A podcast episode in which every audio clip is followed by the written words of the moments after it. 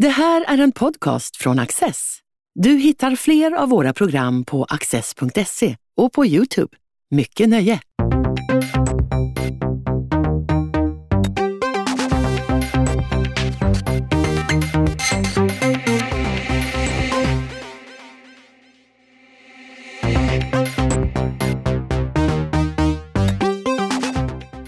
Jakob Kristensson är idéhistoriker.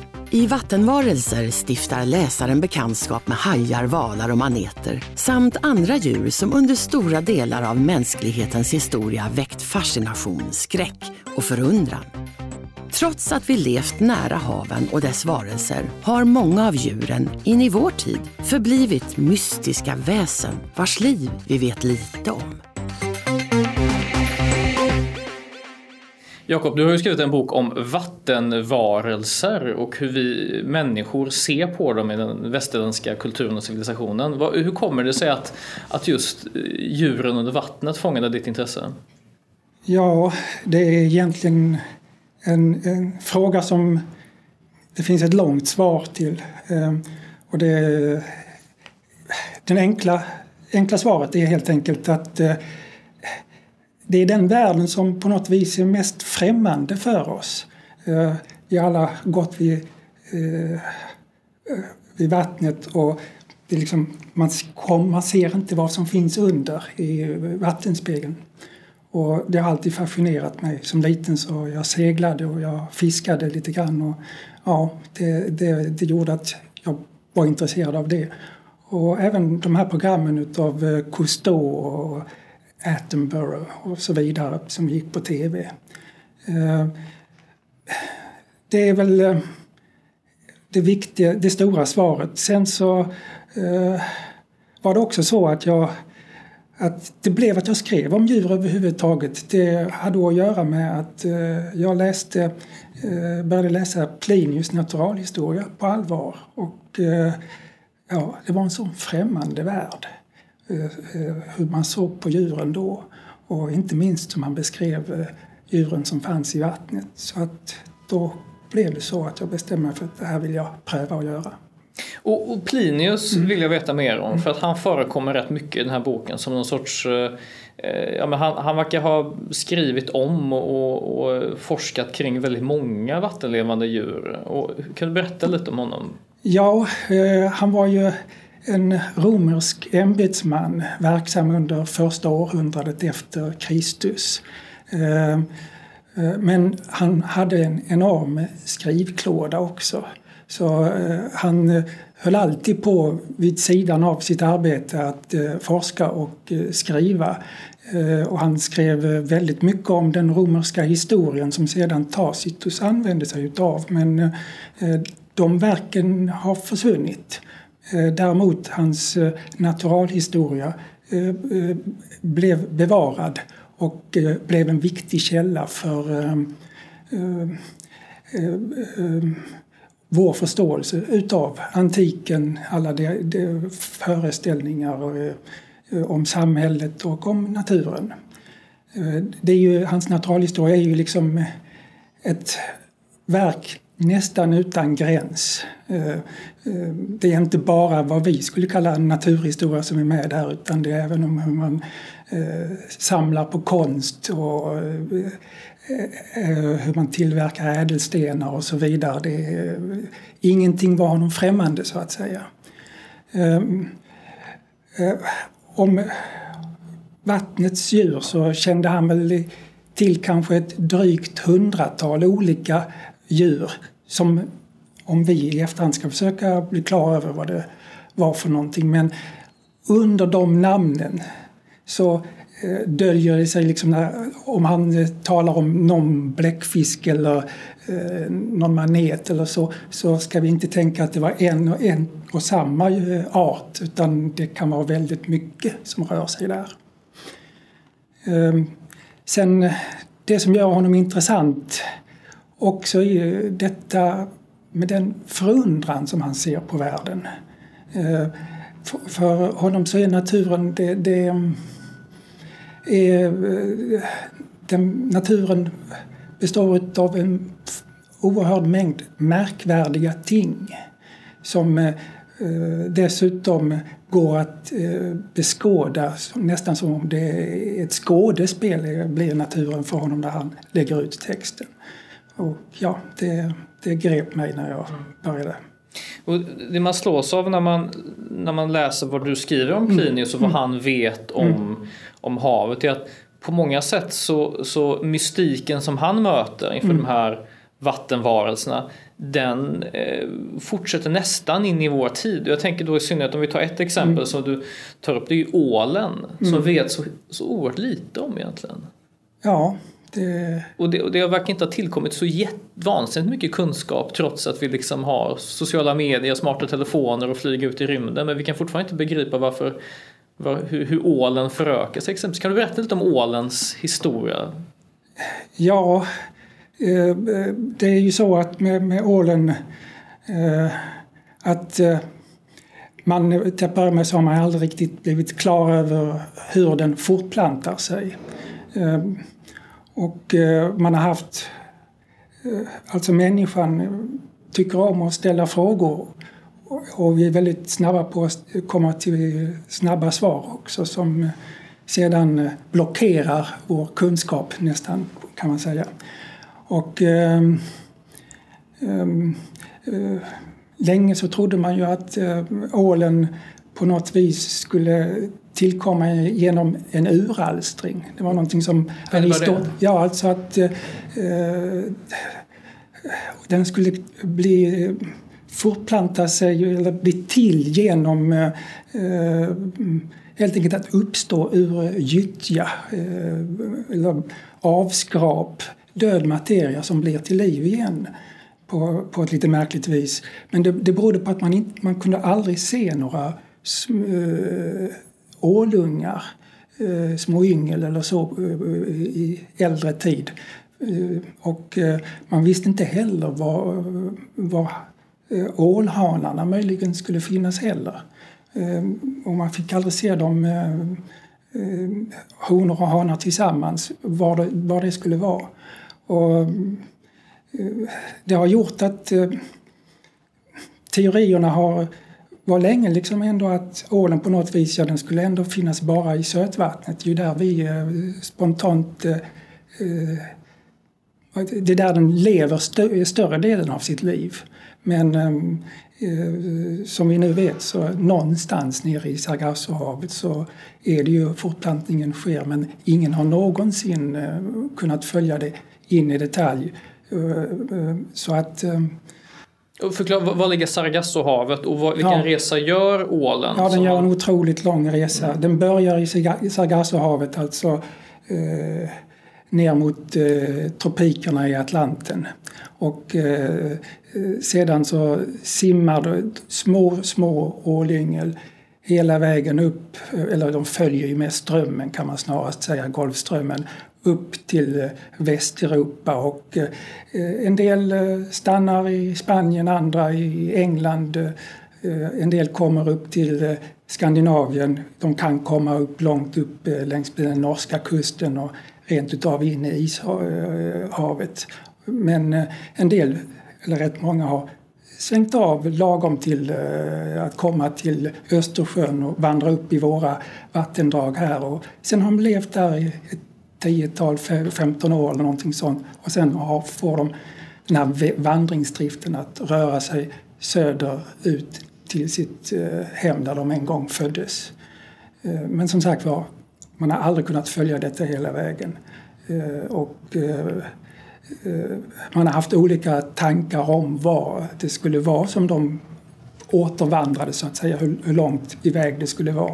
Så det har ju varit tal om att det skulle bara vara ute i Östersjön eller det skulle vara till Medelhavet. Och, ja, det fanns en dansk forskare, Johannes Schmidt, som i början av 1900-talet eh, mycket ihärdigt eh, spanade efter var de här ålarna skulle ta vägen och han lyckades efter att ha varit runt i hela Nordatlanten och ända in i Medelhavet bort till Egypten så lyckades han komma fram till att det var Sargassohavet mm. för där hittade han små, små larver som eh, var så unga att det bara i Sargassohavet de skulle ha kunnat komma till. Så det är en väldigt det är en av de stora bragderna kan man ja. säga inom iktiologin överhuvudtaget. Förlåt, det där ordet du använder nu? Iktiologi. Precis, kan du förklara det? Eh, fiskforskning kan ja, man kalla precis. det. Det, det, mm. det är ju det ja. läran om de här vattenvarelserna ja. handlar om.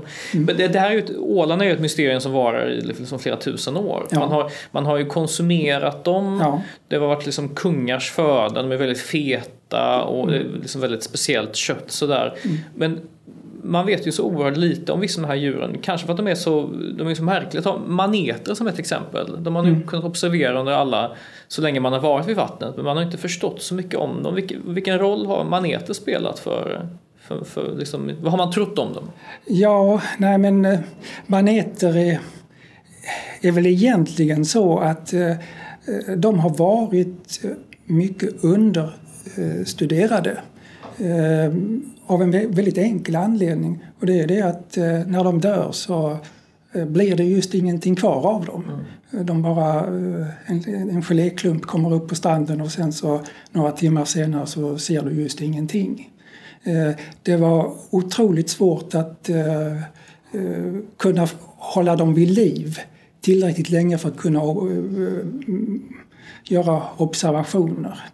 Så att det är först på 1800-talet som eh, manetforskningen börjar eh, eh, ta fart det minsta kan man säga. Så eh, nej, det, och det, det, är fortfarande ett djur som man, eller ett djur, alltså maneter, det finns otroligt många arter för det första och sen så kan de genomgå så många olika utvecklingsstadier. Så att ehm, vissa maneter kan, de kan börja liksom att ehm, vara på väg att ehm, fort, gå från det ena stadiet till det andra för att sedan bli en, en vad vi kallar en riktig manet. Mm. Men uh, de kan om de märker att det här på miljön inte passar dem så kan de tillbakabildas och komma tillbaks till sitt polypstadium och så börja om igen. De kan alltså, det finns vissa arter som man tror rent utav är, egentligen är odödliga. Mm. Det, eh, det enda som kan förgöra dem det är att de blir uppätna helt enkelt av något djur som kommer. Och vad, och vad bara, vilken manet är det och var lever den någonstans? Ja, eh, så här på rak arm mm. kommer jag inte på mm. namnet men så, så är det alltså. Eh. Men det har varit, det har varit svårt att observera dem. Man, mm. man, man äter ju inte maneter, Nej. eller gör man det? Nej, det gör man inte. Eh, minimalt. Det har väl skett... Ja. Det är ju alltid så när det kommer till att äta föda från havet så är ju japanerna mm. de mest fördomsfria. Mm. Men eh, här i västerlandet, nej, man har aldrig ätit maneter. De vattenvarelser mm. som, som vi här i liksom den västerländska civilisationen har mest relation till det är ju mm. de djur som vi antingen är mest rädda för verkar det som. Mm. Eller de vi har så att säga, ätit mest av och exploaterat mest. Och det, det ena är ju hajen. Den, den tycks liksom ha funnits i vår i vår kulturhistoria under all tid nästan. Kan, kan du berätta lite om, om hajens, vår relation till hajen? Ja, ehm, eh, det är ju inte eh, någon sån där relation som har varit så eh, särdeles positiv mm. så att säga. Utan, ehm, eh, vi har sedan tidernas begynnelse så har eh, hajen varit den stora skräcken för oss människor. Den och för den delen bläckfisken kan man väl också nämna i sammanhanget. Och eh, möjligtvis så gör liksom eh, eh, hajen också entré i vår eh, världshistoria eh, eh genom eh, den persiska flottan på omkring 490 f.Kr. som när den har blivit slagen av grekerna, när den eh, åker ut för en stor storm så, och det blir massa skeppsbrott och så, så slutar det med att de sjömännen blir attackerade och uppätna av hemska hajar. Mm. Det är liksom det första skriftliga dokumentet vi har om dem, så, mm. hajarna, så är det så illa. Och eh, allt sedan dess så eh, har eh, författarna skildrat hajar som eh, eh det är människor, eh, människornas stora fiende i, i havet. Mm. Men det finns ju så oerhört många olika. Mm. Man ju, ja. alltså jag tänker på de stora valhajarna som ja. är oerhört eh, fredliga, ja. tysta djur eller liksom småhajar och sådär. Det, finns ju eh, det finns ju så många olika men Visst. ändå har hajen trots att rätt få av dem är intresserade av människor fått den här rollen som någon sorts ärkefiende i haven. Ja, nej. Eh, det, det, är ju så att det är, egentligen är det ju vithajen som har eh, satt standarden. Eh, en stor eh, haj som väger mer än ett ton, mm. kanske blir uppåt sex meter många gånger. Som sjömän från äventyr och sånt har kunnat berätta hemska historier om hur de följer efter slavskeppen eh, på väg från Afrika mm. till eh, Amerika och eh, liksom ligger och väntar på att människor som har dött på fartygen slängs över bord så får de sig ett skrovmål och, och så. Och, och sen är det ju givetvis det har också funnits berättelser om sjömän som har i Medelhavet som har blivit attackerade av, av stora hajar. De här valhajen till exempel, den är, den är inte vetenskapligt beskriven förrän en, lång, en god bit in på 1800-talet. Och antagligen så har man räknat, om man har sett den, så har man kanske trott att det var en, en val mm. snarare än en haj. Ja. Nej, sen så är det ju eh, uh, vithajen uh, eh, uh, är ju liksom inblandad i eh, de här händelserna i New Jersey under, mitt under brinnande första världskrig mm. som sedan ligger till grund för Peter Benchleys bok som resulterar i, i Steven Spielbergs Hajen-filmatisering. Och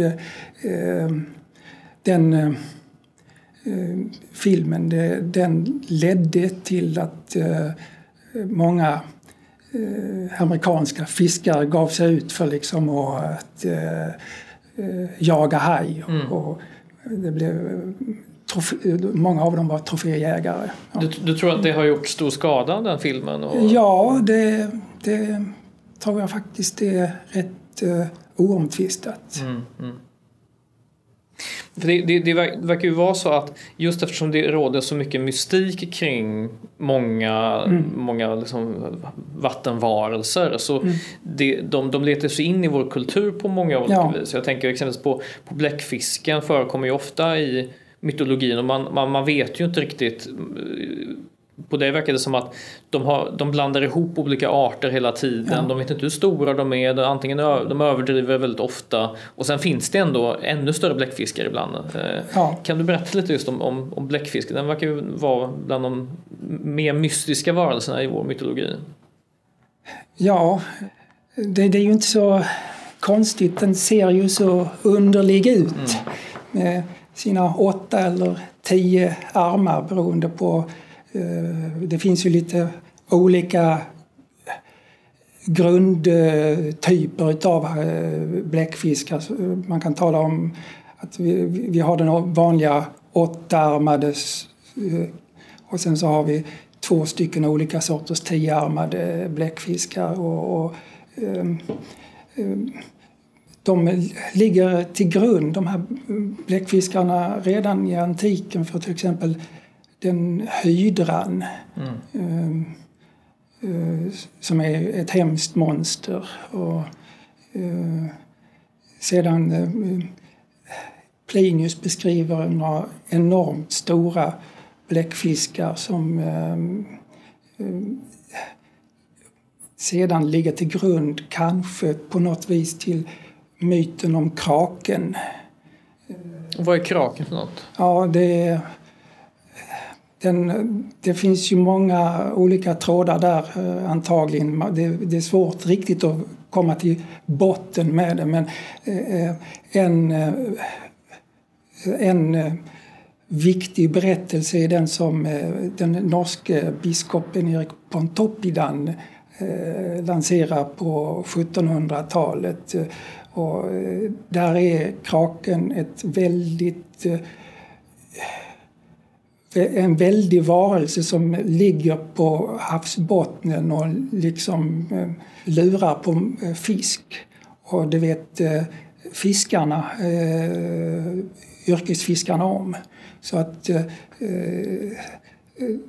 när de märker att liksom bottnen på något vis börjar röra sig långsamt uppåt mm. då skyndar de sig, eh, då vet de att det här är ett bra tillfälle för nu är kraken på väg att eh, försöka få fatt i ett fiskstim och där finns gott om fisk och den blir insamlad bra till oss. Så att där brukade fiskarna då hålla till enligt Pontoppidan. Och de, de är, det här kraken är liksom så enorm så att um, ja, det, det går inte att föreställa sig. Ehm, och eh, det där var någonting som sedan en fransk eh, forskare, Montfort, eh, tog fasta på för det fanns ju så mycket berättelser om jättelika bläckfiskar mm. och det här var ett stöd för honom. Och, eh, omkring 1800 så lanserade han att eh, det fanns en, eh, en, en en sån här jättebläckfisk som eh, eh, ja, till och med skulle ha eh, dragit ner skepp mm. i, i, under vattenytan och sänkt dem helt enkelt.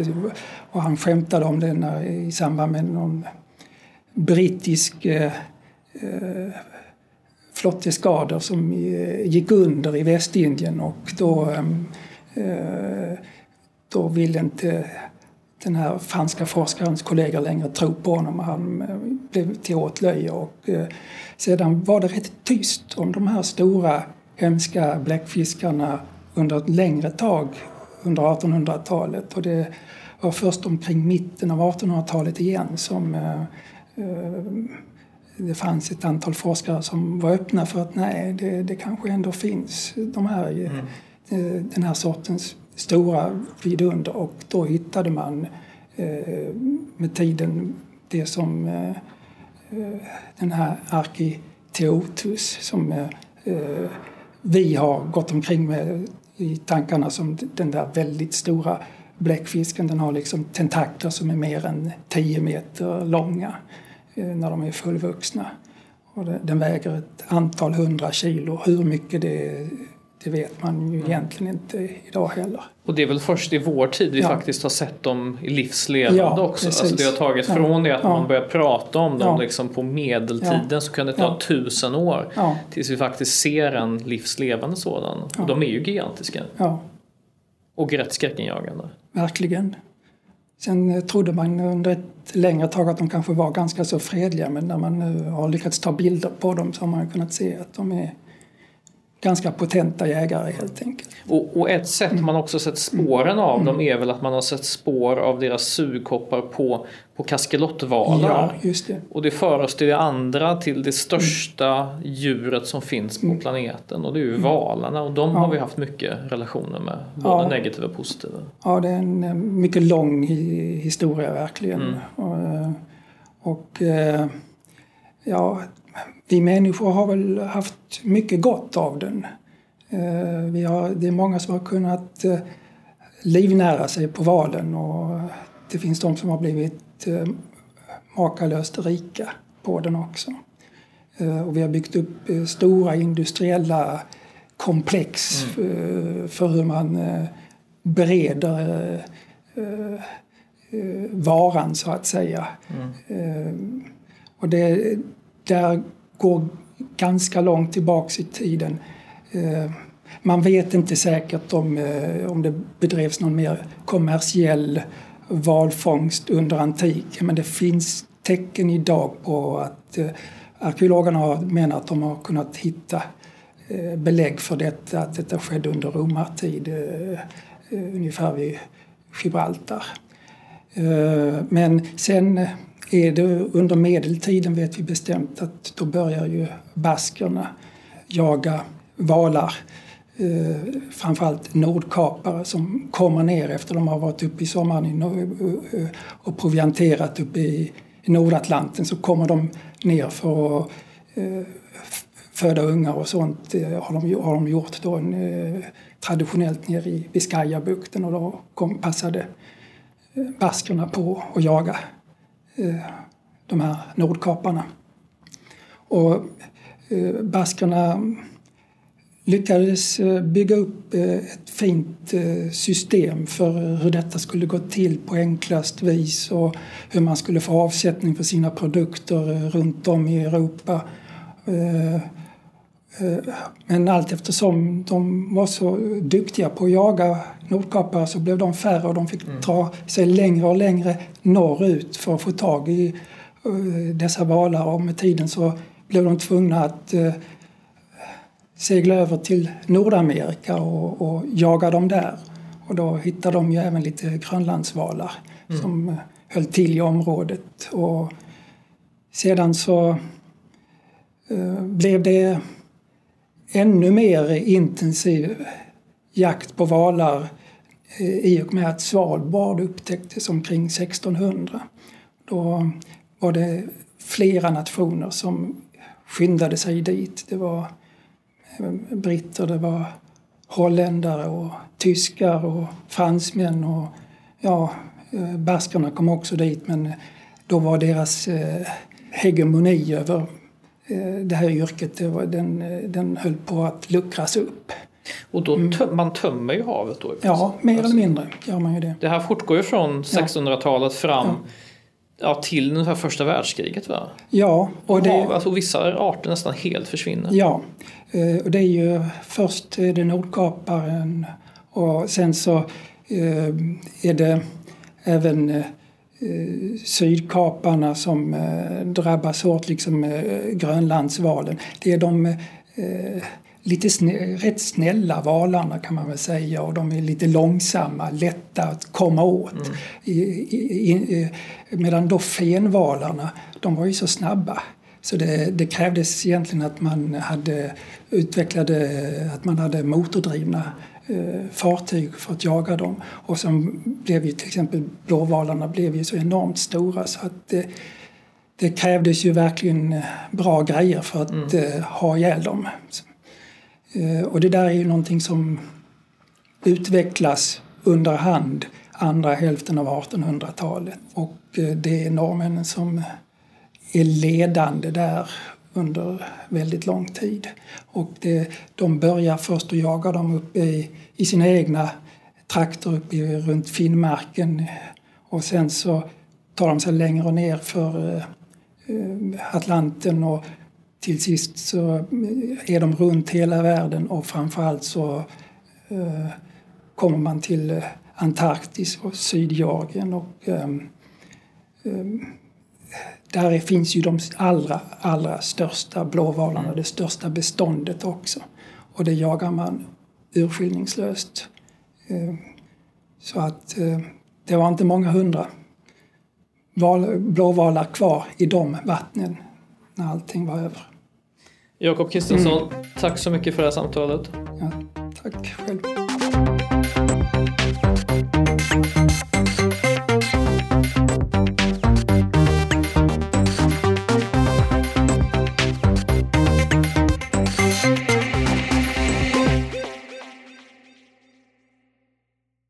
Du har just lyssnat på en podcast från Access. Du vet väl att vi också är en tv-kanal och tidning? Teckna en prenumeration idag på access.se.